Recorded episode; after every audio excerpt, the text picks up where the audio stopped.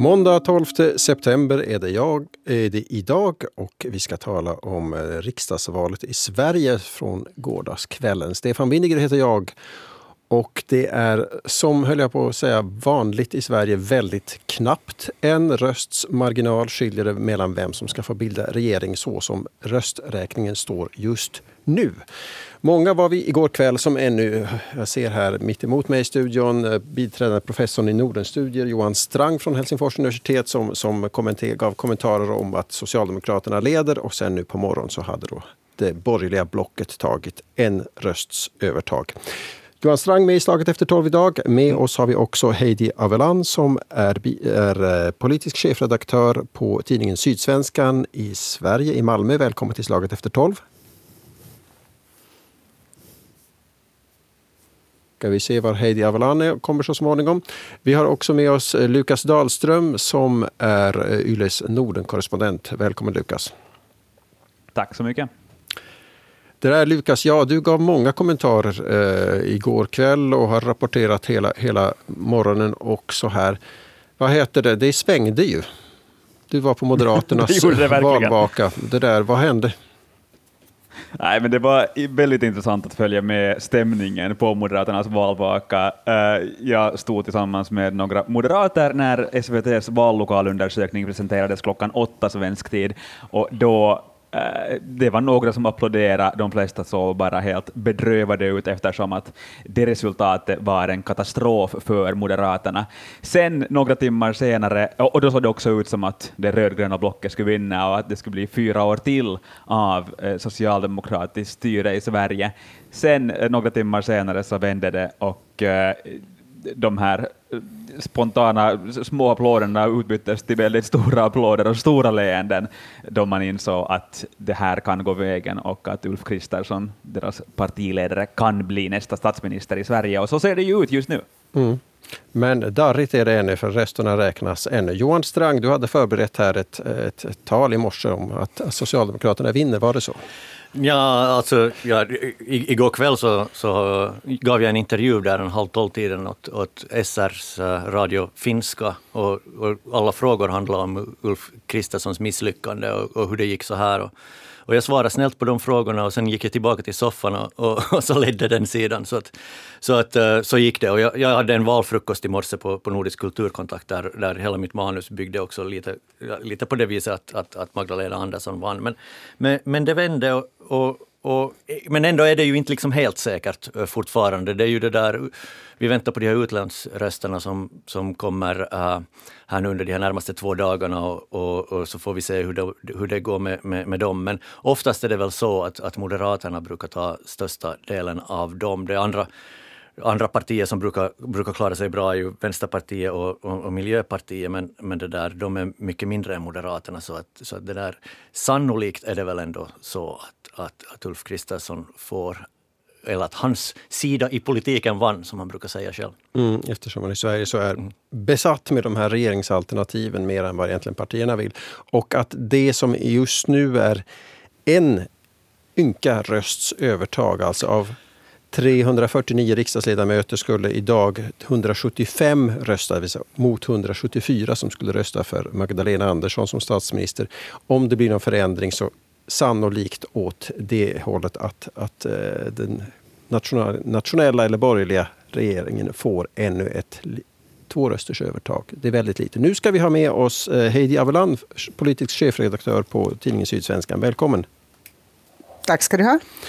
Det här, vi har just här eh, utgjutit oss om hur att eh, det såg ut eh, att vara socialdemokrater ända till sent ikväll och sen bara svängde det plötsligen. Vad, vad var din bedömning?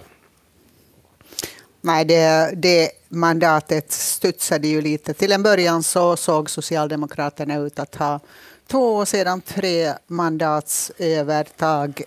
Men det var ju i de här eh, i vallokalsundersökningarna så att det blev väl ganska snart eh, klart att det blir precis som eh, väntat, det vill säga oerhört jämnt. Och skulle det här hålla nu 175 mot 174 så är vi ju precis i samma läge som det har varit under gångna mandatperioden, vilket vore otroligt olyckligt. Mm det här, vi ska inte nu spekulera så mycket i liksom vem som kan få det här mandatet utan nu konstaterar vi helt enkelt för den här sändningen att det blir väldigt knappt. Just nu ser det ut som det blir Moderaterna som bildar regering.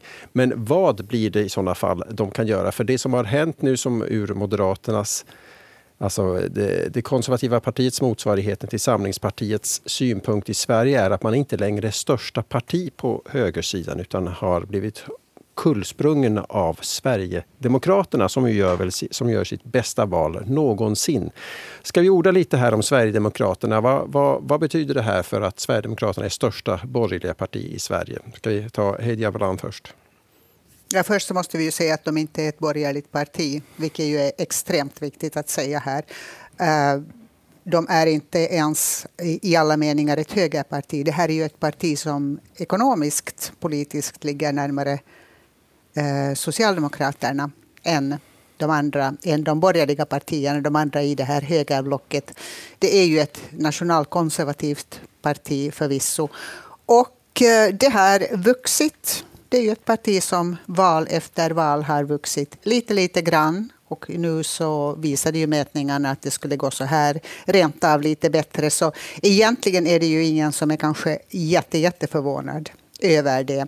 Men det är klart att det stärker deras ställning och Ulf Kristerssons planer på att bilda en regering med bara Kristdemokraterna och Moderaterna och hålla SD som ett stödparti blir ju väldigt mycket svårare. Vad SD själva vill, det återstår ju lite att se för de har sagt vardera saken under valkampanjen. Dels att det viktiga för dem är att deras politik blir genomförd. De kan vara ett stödparti, sälja sitt stöd dyrt mot riktigt mycket politik.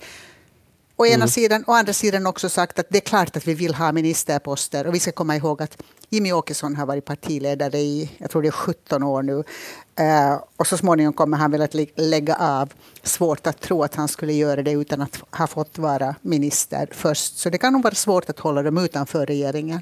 Mm. Lukas Dahlström, det här, eh, den här ministerfördelningen är ju inte riktigt, den är teoretisk ännu för att det finns ju partier som borde ingå i det här regeringsunderlaget, Liberalerna, men som ju inte vill ha med, med Sverigedemokraterna. nämligen Liberalerna har ju tydligen tagit avstånd från detta och egentligen har väl de andra partierna också sagt att in, jo, en regering med stöd av Sverigedemokraterna men inte där de ingår. Va, va, skulle du bedöma hur, hur det här kommer att gå till nu?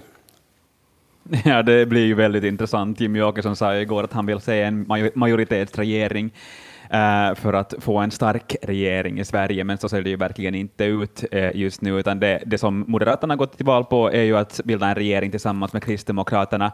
Det blir ju en väldigt svag regering, ska sägas. Jag tror att eh, Moderaterna och Kristdemokraterna tillsammans har fått mindre, färre röster än Socialdemokraterna har fått, men man har ju då stöd av både då Sverigedemokraterna främst och Liberalerna blir svårt att få in Sverigedemokraterna i en regering och det kommer att vara ett svårt pussel för Ulf Kristersson. När jag har pratat med Sverigedemokrater på fältet så, så, säger de att det inte finns en besvikelse från deras håll åtminstone om man inte ingår i en regering, utan att det viktigaste är att få igenom sin politik och Sverigedemokraterna kommer att bli ett enormt inflytelserikt parti, åtminstone eh, trots att man fortfarande är i opposition, så blir man ju, kommer man ju att få ett stort inflytande över en borgerlig regering. Och det har man ju inte haft tidigare, så för den blir det ju en helt ny situation. Men däremot tror jag att Heidi har helt rätt i det här att eh, Jimmy Åkesson har varit partiledare väldigt länge och vill han faktiskt avgå, eh, vill han lämna eh, politiken utan att ha varit minister när det har gått så här otroligt bra för hans parti i, i alla val sen, sedan man kom in i riksdagen. Så, mm, det, blir, det blir svåra förhandlingar för, för Ulf Kristersson, men jag tror inte att Liberalerna kommer att släppa igenom en regering där Sverigedemokraterna ingår. Det kan jag inte tänka mig.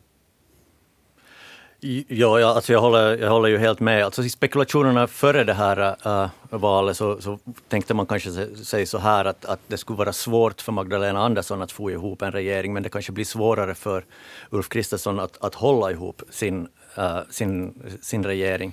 Jag tror kanske att de är så intresserade nu av sitt maktskifte att de, de verkligen Äh, sätter sig ner och förhandlar och, och, och får till stånd någonting. Och huruvida SD ligger, är med i, i regeringen eller inte, så, så, så det, det, är lite svårt att säga i det, här, i det här skedet.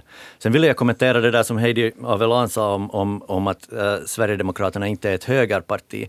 Och det, det, är ju liksom, det är ju sant uh, om man tänker på, på den här traditionella ekonomiska vänstern och högern, men, men, men där börjar jag ju liksom lite tänka att, att hela den svenska politiska kartan har ju, har ju lite äh, ritats om. Att det är ju inte den samma blockpolitiken äh, som, som äh, vi, vi, hade tidigare, där man hade en, en, ekonomisk vänster mot en ekonomisk höger, utan det har ju kommit de här, de här värderingsfrågorna in i den, så att vi har ju kanske snarare liksom eller det finns, vi har någon slags blandning mellan en, en sån här värdemässig konservativ liberal indelning och en, och en ekonomisk vänster, vänster och höger. Och, och jag tycker ju att man kanske på något vis har, har, märkt det här i hur man talar om, den, om politiken eller om blocken i Sverige idag. Att man, man talar inte så jättemycket om block utan man talar faktiskt mer om, om lag. Man talar om Team Andersson och, och Team Kristersson och, och, och, så här. Så det på något vis en sån här, har, man, har man insett det här att, att hela blockpolitiken har på något vis förändrats. Mm. Hej Diavolan, håller du med? Blockpolitiken vill jag mena är den, densamma som den har varit. Däremot så har ju alla partier förflyttat sig. Alltså det, högerpartiet i svensk politik har ju varit Moderaterna. Nu ska vi säga att det finns ett parti till höger om Moderaterna värderingsmässigt som en av fem svenskar har röstat på. Det är ju en jätteförändring. Sen så får man ju nog eh, verkligen med stor stor modifikation kalla det här blocket ens lite liberalt. Liberalerna kom in med ett, eh, som det ser ut nu, 4,6 procent, det vill säga 0,6 över spärren. Medan KD är ju inte liberalt överhuvudtaget, det är ju ett grundkonservativt parti.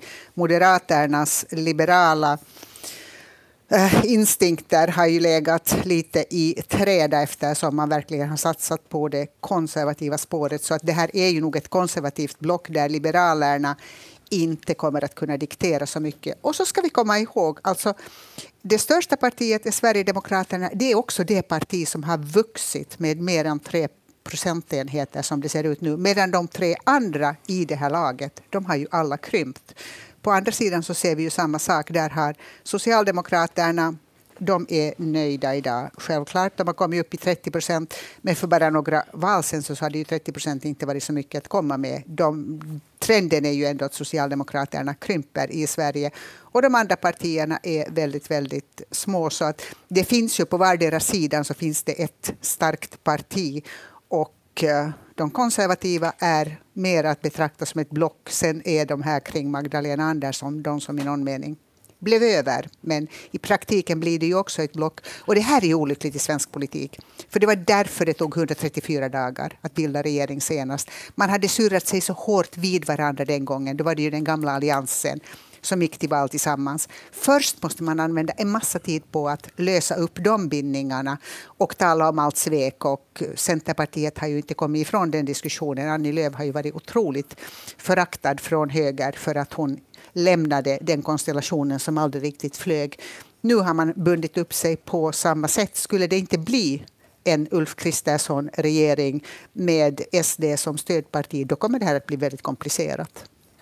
Ja, ja, min, min tanke om det här med, med, med block, den förändrade blockpolitiken var ju inte att, att kalla högerblocket för, för liberalt, utan snarare liksom att det är det vänsterpartiet som... Det vänster, Nej, jag tror vänster, att det var bara något som... Vänsterblocket som var, var, var, det, var det där, det, det liberala partiet. Och det här var ju egentligen det som Jimmy Åkesson själv sa under den förra uh, regeringsbildningen för fyra år sedan. Att, att vad vi ser växa fram nu är ett, en, en, ny blockpolitik där vi har ett konservativt block, där var vi är med, och så har vi ett liberalt block på den andra sidan uh, som leds av Socialdemokraterna. Och, och det, det, är ju den här, den här liksom förskjutningen som i alla fall delvis har har, har ägt, ägt rum i svensk politik. Och det är ju därför, mm. det, det, det, som är de här inre spänningarna. Och nu har vi också en... Fast det är ju inte ett liberalt block. Jag, jag måste ju protestera. Det mm. andra är ju inte ett liberalt block, utan den liberala mitten är ju splittrad mitt i tu. Det finns två liberala partier.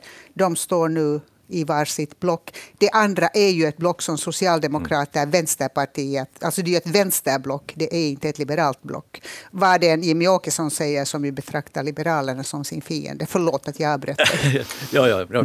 Men, men fortfarande så, ja, jag är ju helt enig med, med dig, det vet du. Men, men den där, jag, jag tänker bara, det visar ju också på de här spänningarna innan, in, innanför uh, Eh, Kristerssons lag också, att det finns ett, ett, ett liberalt parti som är med i ett konservativt block och det här, det här kommer ju att ha spänningar uh, som, som Kristersson får, får, får leva med i fyra år. Nu måste jag ändå här, som, nu sitter jag och lyssnar här, måste jag ändå få ta liksom en ordningsfråga här bara så här att men har ni tänkt på, det verkar ju som att eh, det är många som inte vill regera med Sverigedemokraterna i Sverige. De eh, som tycker att de kan man inte regera med eh, av olika skäl. Eh, men det finns är egentligen två som ännu mindre vill regera tillsammans. Och det är Socialdemokraterna och Moderaterna som ju skulle, så som det ser ut nu, kunna bara de två få den där enröstsmajoriteten på 175 röster.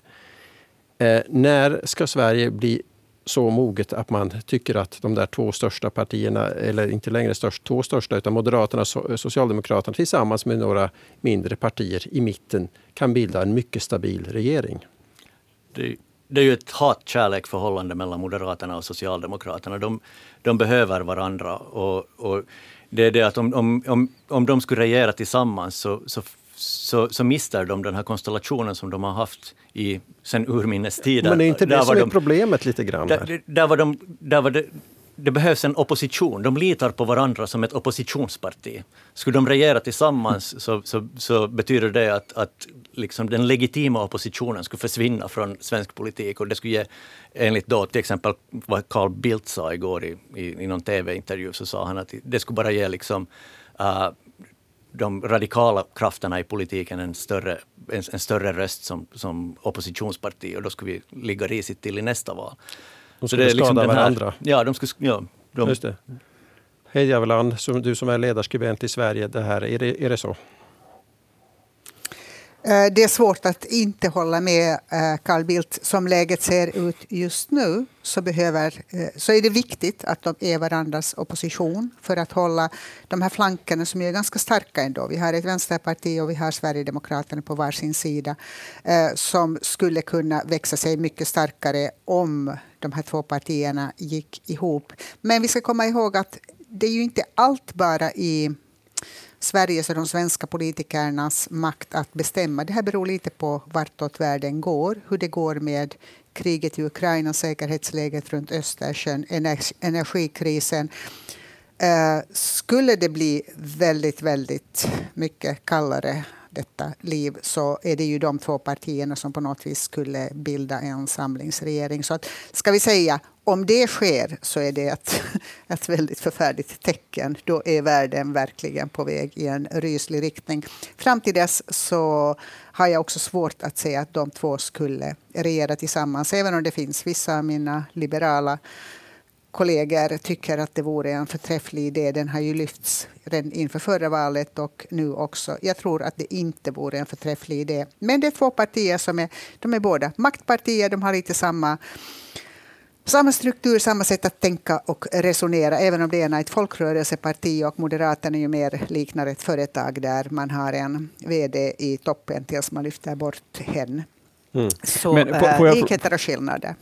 Får jag fråga här då från uh, mitt håll just angående den här möjliga S och M-regering. Så, uh, jag menar, eh, hur tolkar ni Eh, eller kanske Heidi och, och Johan, då, hur tolkar, tolkar ni det, Magdalena Andersson och Socialdemokraternas taktik under slutspurten av den här valrörelsen, där de ju verkligen gick till val på att tona ner konflikten mellan dem själva och alla andra partier förutom Sverigedemokraterna, och hon stod i debatter och sa att hon höll med Ulf Kristersson i nästan alla frågor. Och Stefan Löfvens stora projekt var ju att, att uh, förstöra blockpolitiken i Sverige, och har Magdalena Andersson kanske då uh, fortsatt på den socialdemokratiska traditionen att försöka försöka uh, få mm. bort blockpolitiken från Sverige och ja, man då kunna regera tillsammans?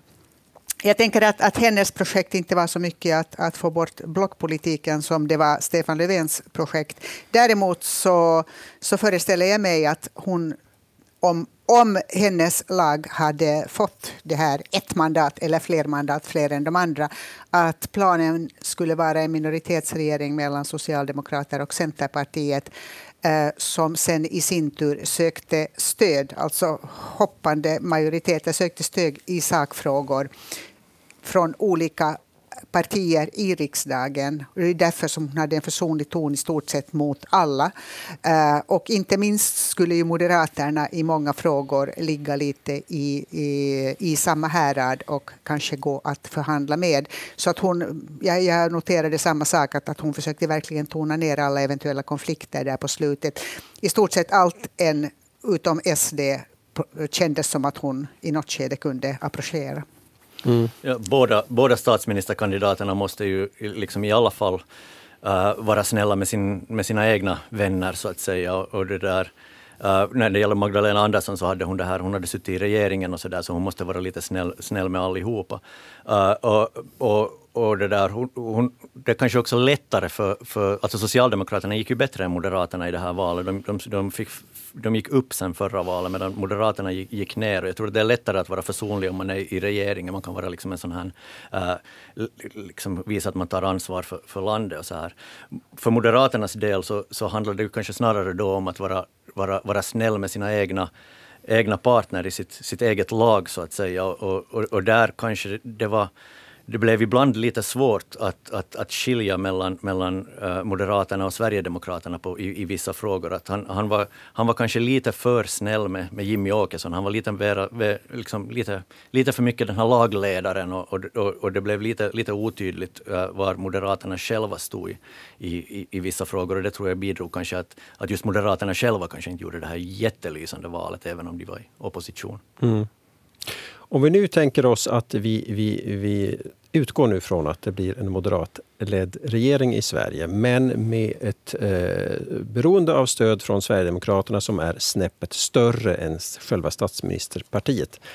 Eh, vilka frågor kommer Sverigedemokraterna att sätta särskild press på, på den här borgerliga regeringen som är beroende av deras stöd? Vem vill börja? Eh, jag vet inte, alltså det, jag, jag tänker ju med att det är Sverigedemokraternas liksom traditionella, traditionella frågor som, som handlar liksom om, om, om invandring och, och, och gängkriminalitet, hårdare straff och, och, och, den här slags äh, politiken. Så det kommer de ju och, säkert att, att värna om och, och se till att regeringen äh, äh, vad heter det, implementerar eller följer tar, eller visar deras politik respekt.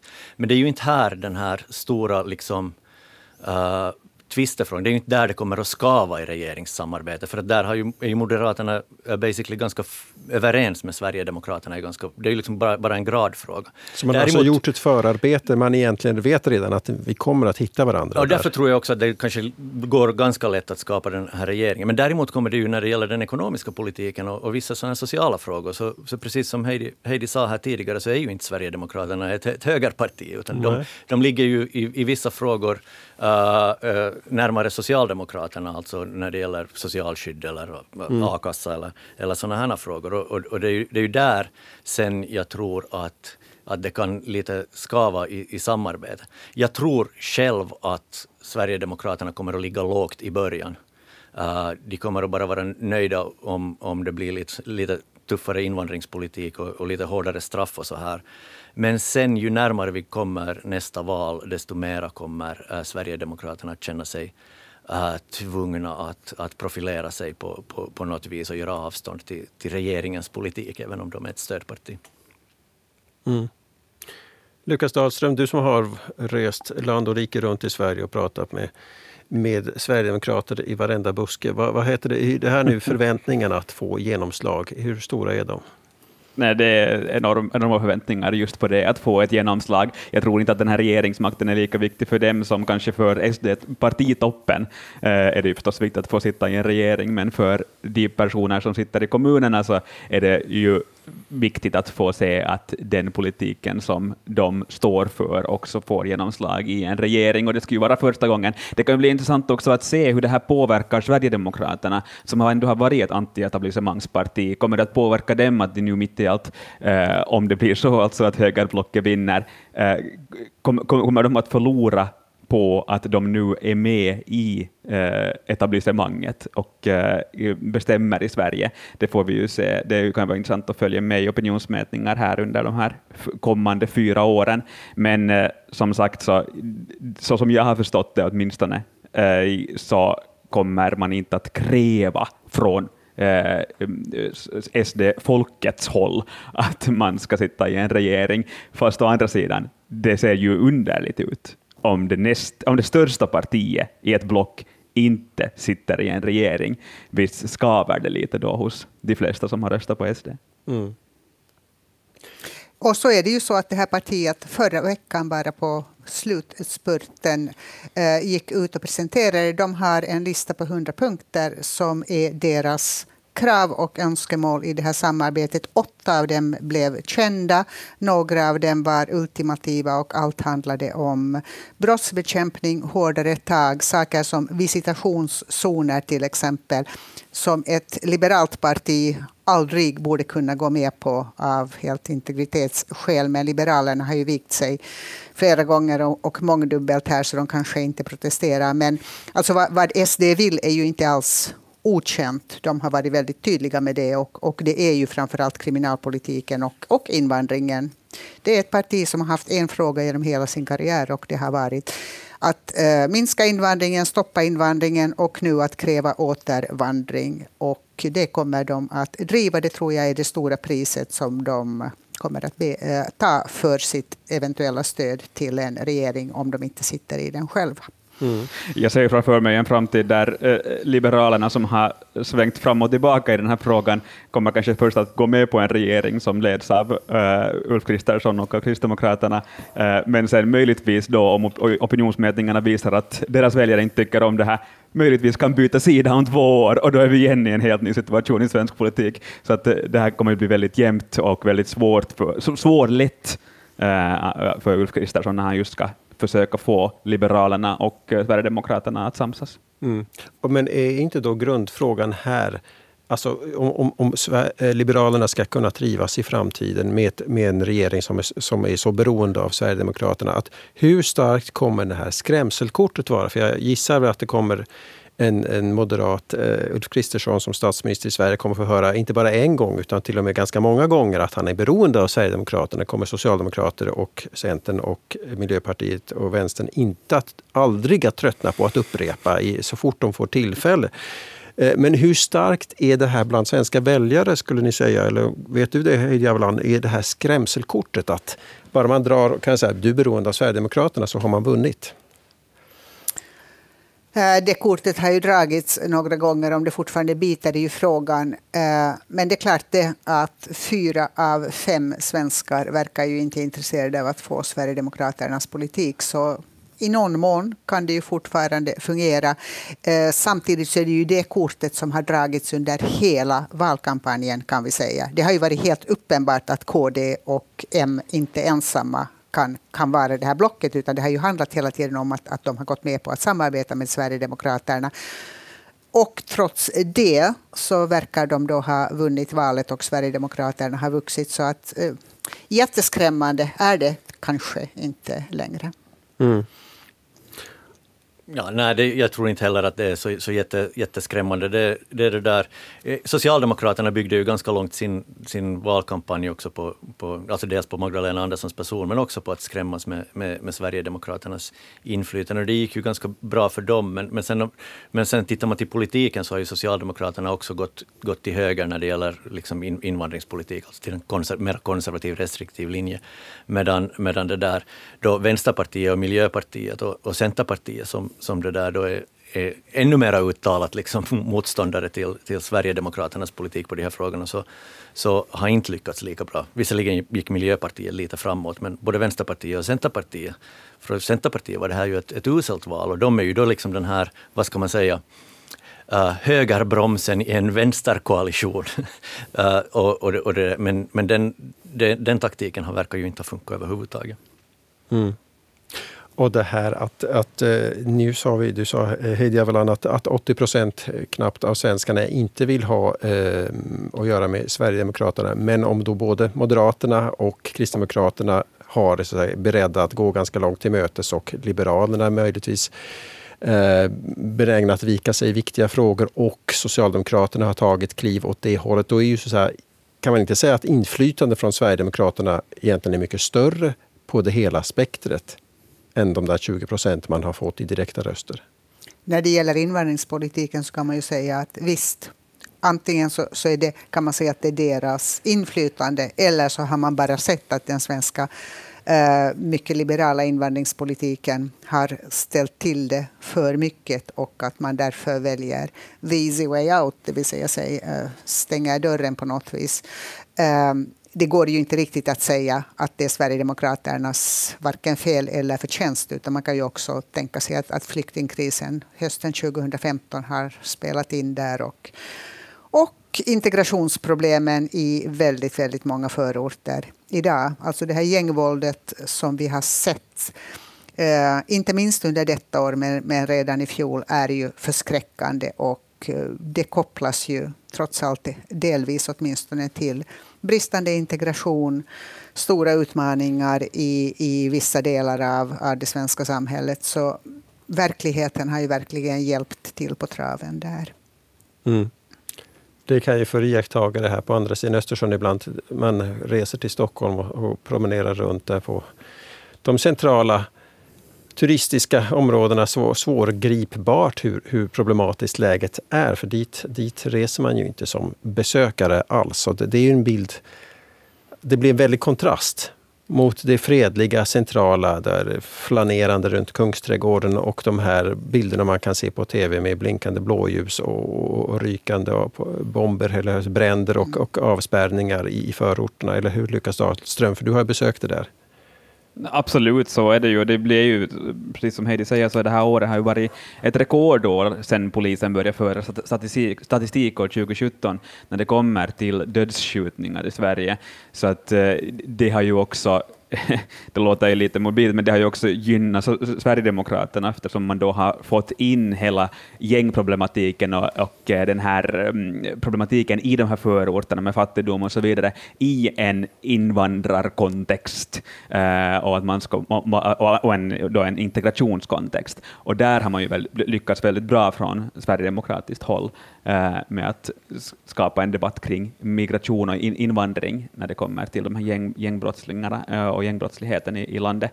Um, och där har ju hela, på det hela politiska spektrat har man ju rört sig högerut. Hela den här valrörelsen har ju handlat om lag och ordning. Och det är ju helt förståeligt, för att vi hade ju de här påskkravallerna exempelvis, som var eh, helt förfärliga, och sen också förstås de här dödsskjutningarna i förorterna. Så det är väl helt naturligt att den här valrörelsen har handlat om sådana frågor. Mm. Samtidigt så är det ju så att, att, att rösterna i de här förorterna själva så går ju inte till Sverigedemokraterna. Det finns ju olika bud på hurdana lösningar man, man, man ska ha på de här, de här problemen. Och, och det är ju det som, som, som valdebatten äh, borde kanske ha handlat om mer än, än, än den har handlat om. Jag, tror ju, jag, tror ju, jag tycker ju att liksom Uh, båda sidorna, eller ska vi säga som så här att Socialdemokraterna på den ena sidan och sen alla fyra partier på den andra sidan, så, så gick ju helt in bara på den här linjen att det är strängare straff uh, som, som gäller, uh, snarare än, än någon annan, annan form av, av förebyggande politik. Så, så jag tycker sådär, kanske lite sådär personligen så tycker jag att det kanske blev lite ensidigt ändå. Mm. Men I ett uppskruvat, uppskruvat debattklimat så är det svårt att ha ett nyktert samtal om eh, brottsligheten i förorterna. Mm. Nyktert är rätt ord också. Vad heter det? det? Men det finns ju ändå tecken på att det pågår en ganska radikal debatt. Eh, jag har läst, det här kanske Hedja Aveland vet mer om, att ett, ett val som heter Nyans, åtminstone i Malmö, har gått väldigt kraftigt framåt som lockar alltså väldigt, väldigt konservativa muslimska röster. Vad vet vi om det, Heidi Aveland? Vi vet att i Rosengård i Malmö så fick Nyans 30 procents stöd, vilket är fullkomligt hisnande. Eh, det är ett, som du säger, djupt konservativt eh, muslimskt eller, eller rent av ett islamistiskt parti som bygger på missnöje, bygger på missnöje med eh, majoritetssamhället. Eh, dess plan verkar det ha varit att ta sig dels in i Malmö fullmäktige eh, där gränsen är 3 procent och det verkar som att Nyans stannar vid 2,8 så strax under. Men det fanns också diskussioner kring att man kan komma in i svenska riksdagen om man får 12 procent i, i ett distrikt och, och eh, det diskuterades att det möjligen kunde vara ett, liksom en, en språngbräda från Malmö till riksdagen. Så verkar det inte alls bli. Men det är klart att de etablerade partierna måste ta det här på ett jättestort allvar. Det finns alltså ett stort missnöje som måste hanteras i många förorter i Sverige och eh, det handlar ju dels om saker som liksom om diskriminering och sociala frågor och sånt, men också om det här gängvåldet. Alltså det, det, är ju där som otryggheten syns. Jag bor i Malmö och jag ser ju aldrig av det, fast Malmö är en mycket mindre stad än Stockholm, därför att det är väldigt fokuserat till, till vissa områden. Mm. Så det är alltså ett missnöje med integrationen så att säga, från, från båda håll, både från förortshållet och från de här som röstar på Sverigedemokraterna. Alla är missnöjda med den.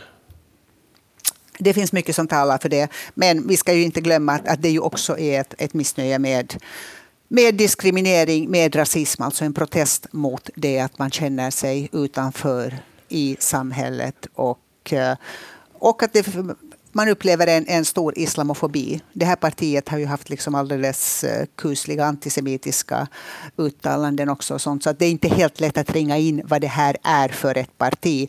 Eh, men eh, som sagt, de, de etablerade partierna behöver ta det på stort allvar, för det är rätt otäckt.